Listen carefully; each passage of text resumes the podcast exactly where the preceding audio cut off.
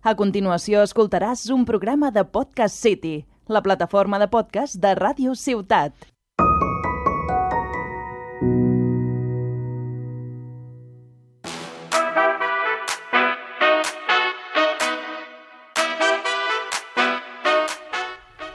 Hola y bienvenidos a Cocinando la Vida, un podcast conducido por Paula y Ana, donde hablaremos de los ingredientes esenciales para cocinar la receta de la vida, buenos alimentos, ricos pensamientos y felices momentos.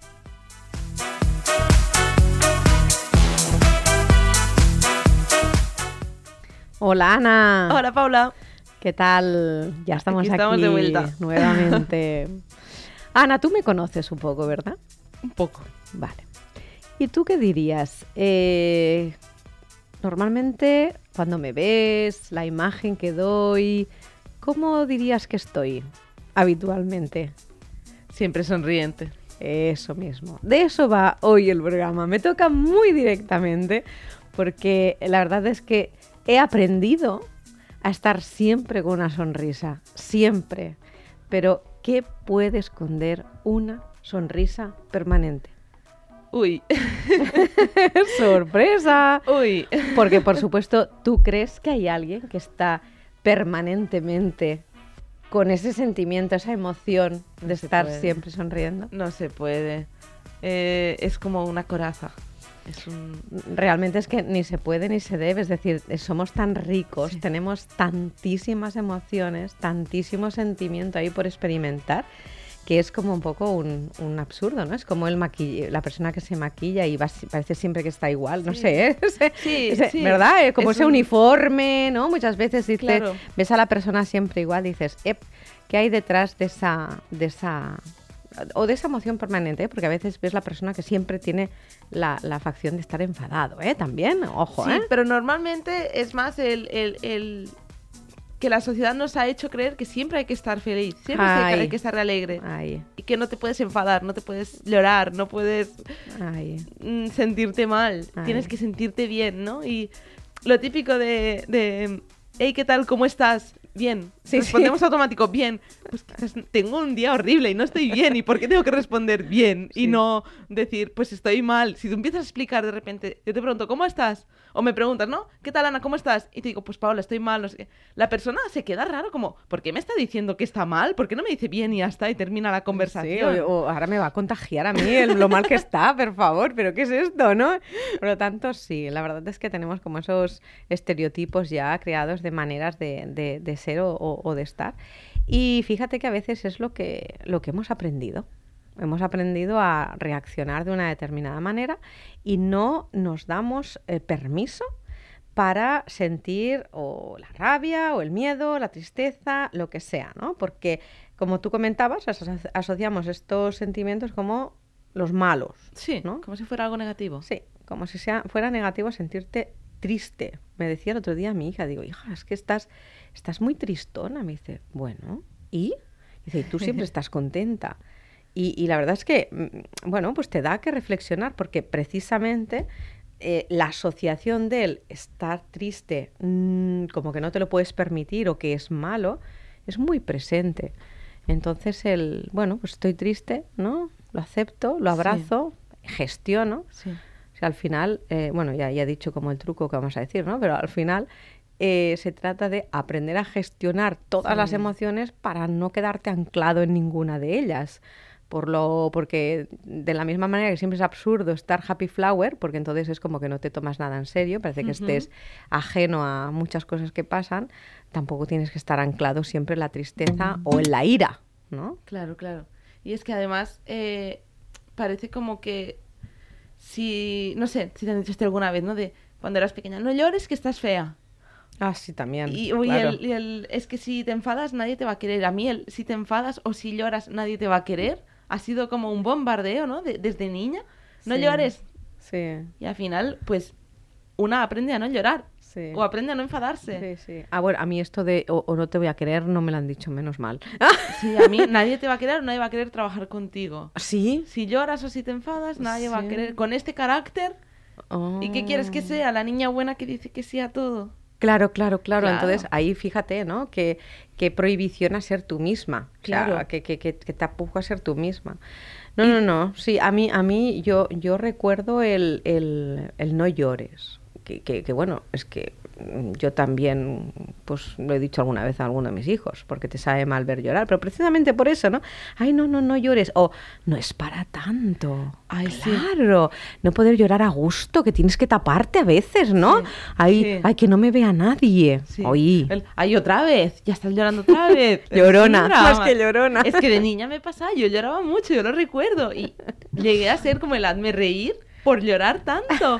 Eras la llorona. Claro. Claro. Y al final, no sé, ¿qué, te- qué le pasaba a esta niña, no? ¿Qué, estaba llorando tanto? ¿O ¿Qué tenía? ¿Y por qué la sociedad trataba de tapar esto? ¿Por qué a nadie le decía, hey, ¿quieres hablar? Mm. ¿Por qué no vamos a ver qué hay allí? ¿Qué, qué está saliendo con este llanto? No, tapémoslo, no pasa nada. Que no llore la niña, que no llore, que sonría. Porque si no, no es aceptada. Sí, sí, sí, sí. Y luego, ¿qué pasa? Que tapamos con qué? Con conductas, con conductas eh, adictivas, Mm. compensatorias, Mm. y es cuando se generan, pues, trastornos, eh, adicciones. adicciones. Y, y bueno, pues el más, el más fácil es el, el, el- comer compulsivo Sí. que tenemos por la noche, cuando una vez ya has cenado y vas, y vas tapando, vas tapando, pues eh, to- todo eso que, que no te has permitido sentir o alguna emoción que, que te has callado también, ¿no? Porque eh, eh, por no herir al otro, por no, ¿no? Esa tendencia también tenemos por educación de, de- de atender o cuidar del otro para, para que no tenga un, concepto erróneo sobre nosotros. Al final nos montamos unos tinglados para ser queridos y aceptados que, que te callas un montón de cosas. Entonces, claro, cuando uno se calla algo, se queda dentro. Y entonces lo tienes que, que- que gestionar de alguna manera y ahí es cuando volvemos otra vez a esas adicciones o a ese chocolate nocturno, ¿vale?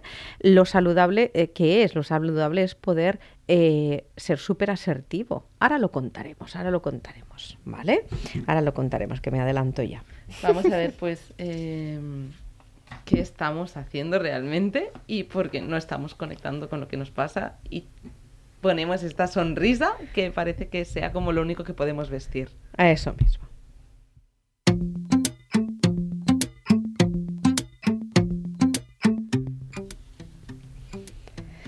Bueno, pues como, como decía, ¿no? Es decir, si tú sientes algún tipo de emoción, permítetela, por ejemplo, no sé, sientes enfado por algo que a lo mejor has, has notado que era, que era injusto, que no tocaba, eh, y tienes ganas de, de- de comentarlo con la persona, pero no lo comenta, ¿no? Lo que, lo que decíamos ahora. Lo importante es que si ahí sientes enfado o rabia, es conecta, conecta con ese enfado, conecta con esa rabia. No sé, yo, a mí me gusta mucho el, el escribirlo, escribirlo como si estu- estuviera pasando. Vale. Imagínate que ah, tú me haces algo que, que a mí me, me enfada, ¿vale? Pero no te lo digo por ahí que va a pensar yo que siempre tengo esa sonrisa permanente, ¿vale? Claro. que va a pensar de mí, que ya no, que ya no sonrío y voy a sacar la cara de, de- de enfadada.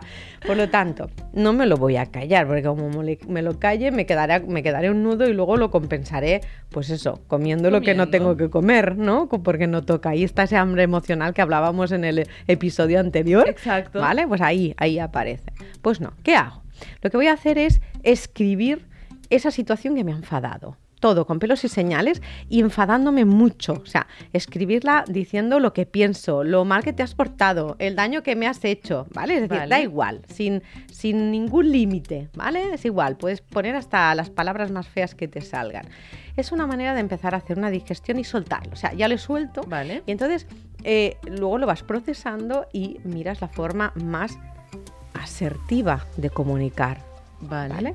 Porque claro, si yo no lo, no lo digiero un poco previamente, eh, a solas, dejándome sentir y conectando yo, puedo ver el peligro de que me comunique contigo de forma agresiva. Sí, sí. ¿Vale? Que las personas que son lo contrario a los que nos contenemos, que son impulsivas, es lo que hacen. Me haces algo que no me gusta y ¡bah! Y ahí la, la- la batalla campal está ya, ¿no? Es decir, la guerra. O a veces incluso el que contiene, contiene, contiene, llega a un punto que, que- que no contiene más y explota, ¡Pam! en vez de, de ir poniendo límites poquito Eso a poco, ¿no? Eso mismo.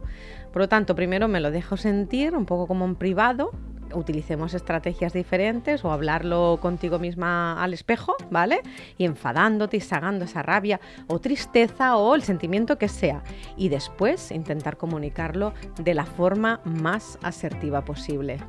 Eh, me gusta esto que estás comentando, ¿no? De, de, de comunicarlo, para empezar, porque el, el tema de los límites es muy importante. Eso. Eh, para luego no tragarnos. Es, como el respetarnos, ¿no? Y ponernos en nuestro sitio, comunicándole al otro lo que nosotros sentimos o pensamos o necesitamos. Porque si no lo comunicamos, el otro tampoco sabe. Entonces, mm, es como un cruce de, damos cosas por hecho que no son, que no, que no se pueden entender. Sí, sí, esto que dices de, que, estás eh, comentando de poner límites es, es, es, tal cual. Si, si uno no pone su propio límite, el espacio ese se tiene que ocupar. Entonces me, lo vas a ocupar tú. O sea, si yo no pongo límite, tú me ocupas mi espacio, ¿no?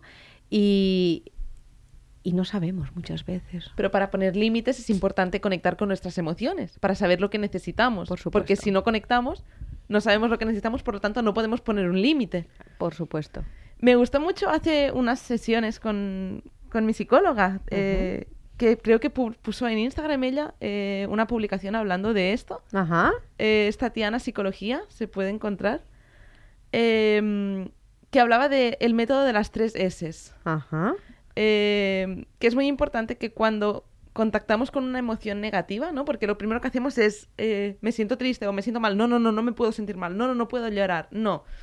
Eh. Primero... No nos lo eh, permitimos. Exacto. Por lo tanto, vamos a darnos permiso. Exacto. ¿Y cómo conectamos con esto, no? ¿Cómo, cómo nos permitimos sentir? Pues ella habla de las tres S. Siente, ese primer paso, y decía, pues cierra los ojos y respira, ¿no? Identifica qué estoy sintiendo y dónde lo siento. Porque a veces, no sé, Paula, si tú te sientes triste, a veces, ¿cómo lo sientes? Mm. Ubicarlo en el cuerpo. Exacto. Exacto, quizás un, un nudo, ¿no? En el pecho. Sí, sí, una presión, una carga, cabeza, cuello, pecho, estómago, ¿verdad? Son, son, eh, es por donde más nos habla el cuerpo muchas veces. Exacto. Bien, bien, muy bien. Primera S, siente. Después viene el sonríe. Eh, sonrío a lo que estoy sintiendo. ¿no? Es como, está bien, lo acepto, hmm. aunque esté triste, aunque esté hmm. enfadadísima. Sonrío y acepto que me siento así, que me sale humo por las orejas y que no puedo más, pero lo acepto. Lo acepto. Es ese, es ese me permito, ¿no? Como antes comentábamos, niño, no llores, ¿qué tal? Pues no, eh, llora porque toca llorar y estoy triste, pues toca estar triste, acepto, está bien, todo está bien, no hace falta que siempre estés eh, de una manera determinada y ya está. Muy bien, ¿y la tercera S? Y por último, la tercera S es suelta. Eh, ella me lo explicaba como si tuvieses una nube, ¿no? Un nubarrón negro dentro y tú inhalas y exhalas. Y cuando exhalas se va deshaciendo la nube. Y no tiene por qué desaparecer, pero se hace más pequeñita. Porque cuando nosotros estamos resistiéndonos, resistiéndonos y luchando contra esto, el malestar crece. Entonces, eh, estamos como creando un bucle, creando un, nudo mucho, mucho, mucho más grande. Y así, pues, eh, no conseguimos de ninguna forma soltar esa... Porque está muy bien sentir emociones eh, que nos generan malestar, pero también tenemos que dejarlas ir. No, no podemos estar siempre arrastrando esto. Es una carga muy grande, es como llenar una mochila de piedras, piedras, piedras. Mm. Y al final es como, perdón por la expresión, pero regodearse en la mierda tampoco es cuestión. No, no, no, no, no, sí, sí, Hay que avanzar. Hay que avanzar. Ese, ese soltarlo es, es, es, fundamental y lo puedes soltar eh, eso respirando. Además, hacer este, este suelta, a mí me, me encanta hacerlo en, en, en la, bueno, en la naturaleza, no concretamente al lado del mar, que tenemos este mar tan maravilloso aquí en Tarragona, ¿verdad? Y, y poder soltar eh, y, incluso visualizar cómo ese nubarrón se va, ¿no? Y otra estrategia para el soltar es también cuando, cuando te duchas, cuando te cae el agua, ¿no? Como si ah, limpiaras más allá de lo que es la higiene como tal, sino como si soltaras y, por la por la ahora no sé el desguace, la alcantarilla, la alcantarilla saliera pues todo todo eso que, que estás conteniendo y, y bien Qué, qué ideal, qué Incluso ideal. llorar. Llorar es Ah, como sí, que claro. te limpias y, y puedes sacar todo esto que tienes dentro, que muchas veces, no sé si te pasa, sientes como un nudo Mm. y hasta que no consigues llorar es como, uff, ahora me siento relajada, ahora lo he soltado. Eh, Llorar, gritar, saltar, Sí, brincar, sí, moverte, o sea, sí. sí, sí. Porque si no, luego es cuando, como decíamos antes, vienen las conductas compensatorias. Mm. Para tapar, básicamente. Para tapar aquello que no nos permitimos sentir. Sí. Para, para justificar la sonrisa. Sí. Si quien nos está oyendo siente que, tiene ahí pues un- una dificultad a la hora de, expresar y, que le cuesta y que tiene pues siempre el nudo en la garganta y, y siente que siempre tiene esa eterna sonrisa permanente o que está anclado en una, en una emoción y le cuesta soltarla, ¿no? Esa, también ese enfado permanente o ese mal humor, pidamos ayuda Sí. pidamos ayuda. No Sí. tenemos por qué ah, saberlo hacer todo. No, para y, nada. y pedir ayuda como siempre nos gusta recomendar, ¿no? Es muy importante contar con la ayuda de profesionales. Mm. eh, porque pedir ayuda no es de débiles. Y eso es algo que en la mitad de los episodios de podcast lo he dicho, pero Ujú. por favor, eh, no eres menos por ir a terapia, ni estás loco, ni nada así. Es que nos hacen creer cosas que no son. Y al final pedir ayuda es de valientes, realmente. Porque es Ujú. acepto que tengo un problema o acepto que tengo una situación que necesito cambiar para mi bienestar, por y para mí, y lo voy a hacer. Y ya está. Y es hacerlo. Qué bonito que ha quedado. Así que sí, sea lo que sea, siéntelo y responsabilízate de ti misma y hazlo. Muy bien. Y que si sonreímos, si, si tenemos una bonita sonrisa, que sea cuando toca sonreír. Sí. Y ya está. Y que si uno un día tiene que hacer pues una cara de tristón o enfadado, pues que también está bien. Que también uno está guapo. Exacto, Es exacto. verdad. Es uno mismo, es ser uno mismo al final.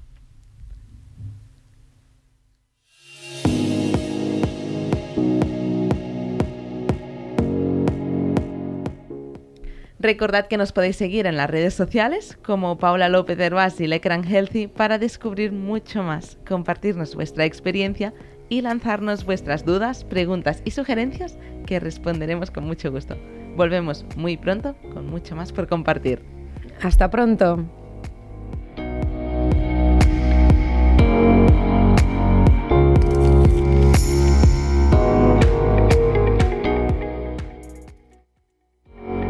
Has escoltat un programa de Podcast City, la plataforma de podcast de Ràdio Ciutat.